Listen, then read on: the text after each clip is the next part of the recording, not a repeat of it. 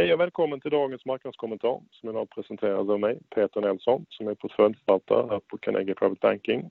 Det är onsdag och klockan är kvart i tre. Idag ska vi i vanlig ordning ge en kort uppdatering på marknadsläget just nu, eh, vad vi håller ögonen på samt hur vi agerar och vilka råd vi ger. Idag är det lite dystrare igen på börsen kan vi konstatera. Vi har haft en ganska positiv vecka bakom oss, men idag faller index med ungefär 3,5%. Eh, faktum är att terminen i USA pekar på någonting liknande där, ett fall på över 3%. Den höga volatiliteten eh, består dessvärre kan vi konstatera. Föga förvånande när det är en dålig dag så är det framförallt i Sverige fastighetsaktier och cykliska aktier som går ner mest. Medan det defensiva som dagligvaror och operatörer håller emot. Vi kan också konstatera att det fortsätter att komma dåliga nyheter kring eh, både ekonomi och bolag. Där kring månadsskiftet så presenteras det en hel del eh, makrostatistik, eh, inköpschefsindex som är en klassisk indikator och de ser väl ganska dåliga ut, vilket ju naturligtvis är helt eh, i linje med förväntningarna. Dock speglar de rätt mycket det som har hänt i mars och kanske mindre vad vi ska förvänta oss av april. Så Frågan är hur stort informationsvärdet är av de här egentligen. Generellt sett fortsatt dyster makrostatistik och det vet vi också eftersom ekonomierna inte fungerar just nu. Och Det är samma sak på bolagsnivån. Eh, flera vinstvarningar och bolag som rapporterar om både inställda och uppskjutna eh, utdelningar. Det är i linje med vad vi har sett redan de sista veckorna också. Eh, om vi backar ett steg lite grann och tittar så kan vi då konstatera att börsen nu har ungefär 30% vad som värst på en månad. Sen hade vi en studs upp här under en vecka på nästan 15%, så en kraftig rörelse där också. Och Idag verkar det då vika ner igen. Det här är ju rätt mycket i linje med vad eh, våra tekniska analytiker säger. Att när vi har haft en eh, rekyl uppåt som varit kraftig så kommer det en ny våg neråt. Så Frågan vi ställer oss är ju i nuläget då eh, hur lång vi tror att och hur djup den här vågen ner blir, andra vågen. Det leder oss över lite grann då på om vi tittar framåt här. och Det handlar naturligtvis väldigt mycket om coronasmittans utveckling och just hur lång och djup recessionen blir. För att vi får en recession står ju klart. Eh, det ser vi tydligt i den ekonomiska utvecklingen. Det här är otroligt svårbedömt såklart. Alla gissar eh, under osäkerhet. Vi tycker ändå fortsatt att vi ser lite små positiva tecken vad gäller smittutvecklingen. Framförallt i Asien där livet sakteliga återgår till det normala.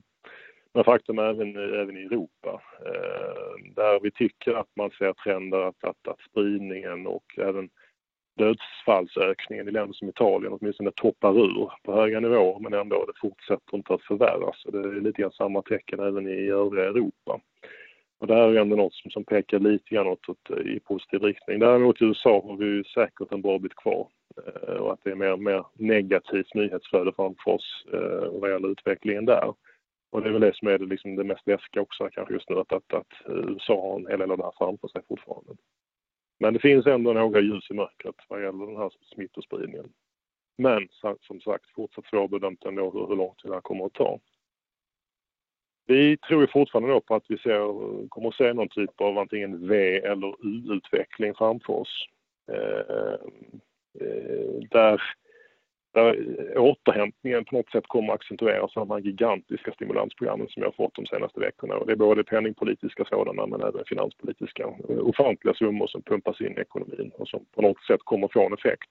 Eh, men Vi skulle behöva lite mer fast mark under fötterna först. Man kan ana en botten i det här innan de här stimulanserna kommer att bita på riktigt. Just nu är det lite smärtlindrande men de hjälper oss inte mycket mer än så.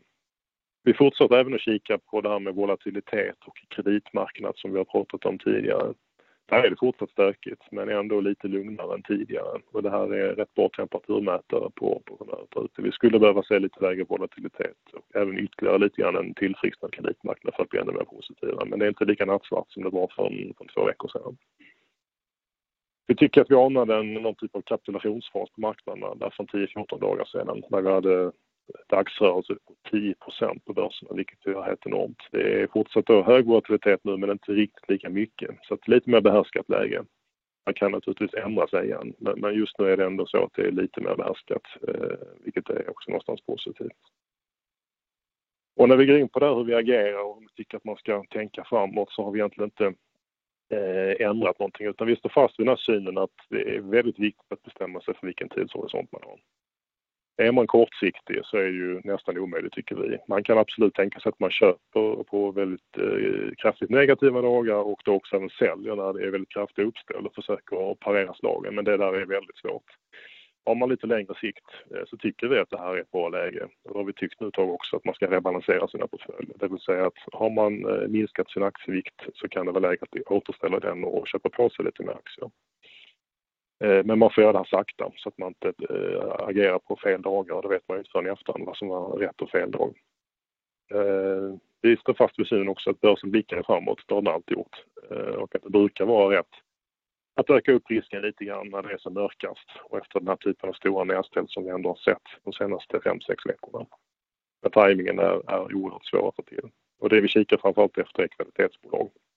Men det menar vi bolag som har starka balansräkningar, alltså starka finanser och som kommer att kunna ta sig igenom den här perioden av, av svag efterfrågan och stökig omvärld och som är flexibla, som har varit, eh, historiskt visat sig vara duktiga på att hantera svängningar i efterfrågan. Eh, den typen av bolag de brukar gå starkt ur sådana här kriser. Eh, så att de, de, de, är väl värda att satsa på. Om inte man redan har dem i portföljen kan man lyfta in dem. nu.